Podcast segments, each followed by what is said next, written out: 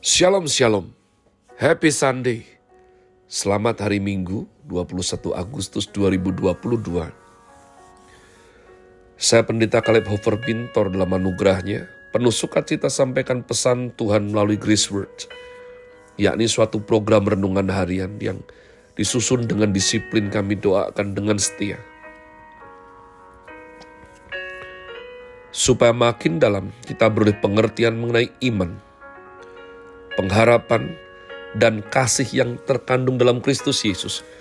Sungguh besar kerinduan saya bagi saudara sekalian, agar supaya kasih dan kuasa firman Tuhan setiap hari tidak pernah berhenti menjamah hati, menggarap pola pikir dan paling utama hidup kita boleh sungguh berubah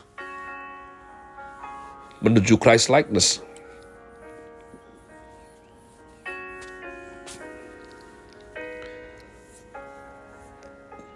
Kita berada dalam season autumn dengan tema bulan ini Declaring King's Mandate. Grace Word hari ini saya berikan judul Daniel. Ya, komitmen membaca kitab suci hingga habis hari ini sudah mencapai lembaran kitab Daniel setelah purna. Kita menyelesaikan kitab Yehezkiel dua hari yang lalu. Adapun program ini juga di broadcast melalui channel GBI Rock Fluid dengan tajuk Podcast with Jesus. Mari bergegas. Kita membaca Daniel Fatsal yang pertama di Istana Babel. Pada tahun yang ketiga pemerintahan Yoyakim, Raja Yehuda, datanglah Nebukadnezar Raja Babel ke Yerusalem, lalu mengepung kota itu. Tuhan menyerahkan Yoyakim Raja Yehuda dan sebagian dari perkakas-perkakas di rumah Allah ke dalam tangannya. Semuanya itu dibawanya ke tanah Sinear, ke dalam rumah dewanya. Perkakas-perkakas itu dibawanya ke dalam perbendaharaan dewanya. Lalu raja bertitah kepada Aspenas kepala istananya, untuk membawa beberapa orang Israel yang berasal dari keturunan raja dan dari kaum bangsawan, yakni orang-orang muda yang tidak ada sesuatu celah, yang berperawakan baik, yang memahami berbagai-bagai hikmat, berpengetahuan banyak, dan yang mempunyai pengertian tentang ilmu, yakni orang-orang yang cakap untuk bekerja dalam istana raja. Supaya mereka diajarkan tulisan dan bahasa orang Kasdim. Dan raja menetapkan bagi mereka pelabur setiap hari dari santapan raja dan dari anggur yang biasa diminumnya. Mereka harus dididik selama tiga tahun. Dan sesudah itu, mereka harus bekerja kepada raja. Di antara mereka itu ada juga beberapa orang Yehuda, yakni Daniel, Hananya, Misael, dan Azaria. Pemimpin pegawai istana itu memberi nama lain kepada mereka. Daniel dinamainya Belsazar, Hananya dinamainya Shadrach, Misael dinamainya Mesak, dan Azaria dinamainya Abednego. Daniel berketetapan untuk tidak menajiskan dirinya dengan santapan raja dan dengan anggur yang biasa diminum raja, dimintanyalah kepada pemimpin pegawai istana itu supaya ia tak usah menajiskan dirinya. Maka Allah mengaruniakan kepada Daniel kasih dan sayang dari pemimpin pegawai istana itu. Tetapi berkatalah pemimpin pegawai istana itu kepada Daniel, aku takut.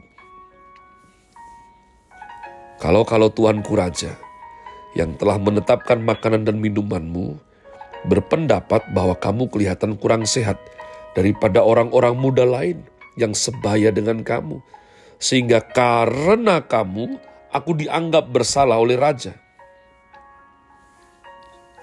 Kemudian berkatalah Daniel kepada penjenang yang telah diangkat oleh pemimpin pegawai istana untuk mengawasi Daniel, Hananya, Misael, dan Azaria.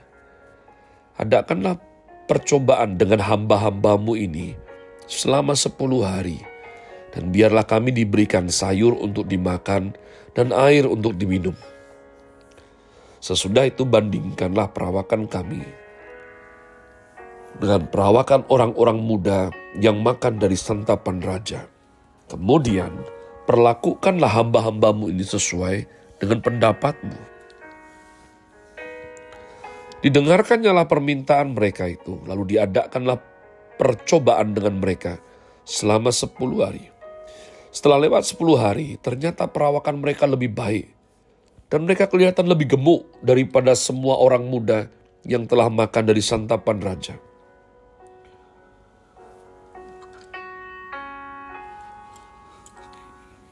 Kemudian penjenang itu selalu mengambil makanan mereka dan anggur yang harus mereka minum, lalu memberikan sayur kepada mereka.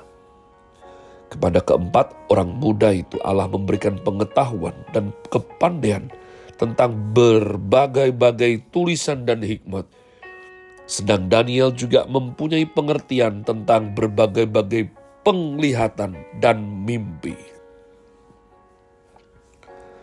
Setelah lewat waktu yang ditetapkan raja bahwa mereka sekalian harus dibawa menghadap, maka dibawalah mereka oleh pemimpin pegawai istana itu ke hadapan Nebukadnezar Raja bercakap-cakap dengan mereka, dan di antara mereka sekalian itu tidak didapati yang setara dengan Daniel, Hananya, Misael, dan Azaria.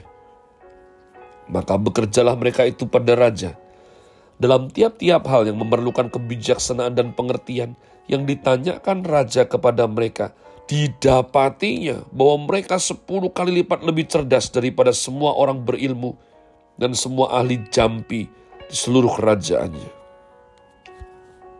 Daniel ada di sana sampai tahun pertama pemerintahan Kores. Umat Tuhan, Daniel adalah kitab yang punya latar belakang menarik sekali. Ciri khasnya kuat. Beberapa kali saya renungan memakai dasar daripada kitab Daniel. Oleh karenanya kali ini dalam waktu yang begitu singkat saya tidak akan ulas yang pernah saya ulas. Saya akan uh, memberikan informasi mengenai ciri-ciri utama yang menandai kitab penting ini. Yang pertama, kitab ini adalah kitab nabi besar terpendek. Perhatikan, Daniel adalah nabi besar. Yeskiel nabi besar. Yesaya nabi besar. Mika, Yoel, Zakaria nabi kecil.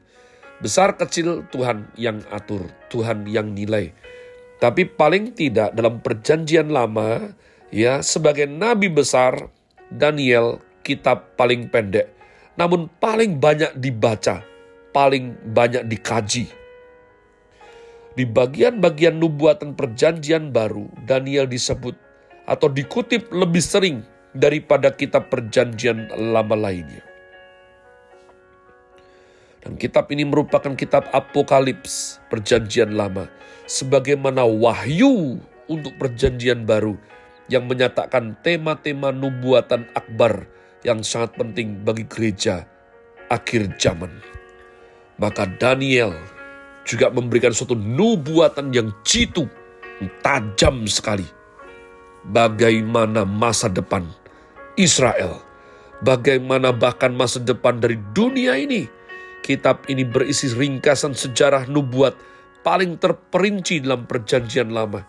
Di dalamnya terdapat satu-satunya nubuatan perjanjian lama yang menetapkan kedatangan waktu kedatangan Sang Mesias.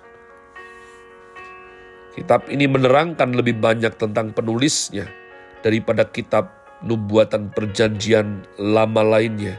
Ya mungkin terkecuali Yeremia Perhatikan khususnya bahwa Daniel ditandai sifat integritas yang tinggi, hikmat nubuat yang besar, dan ketekunan dalam doa dan berpuasa.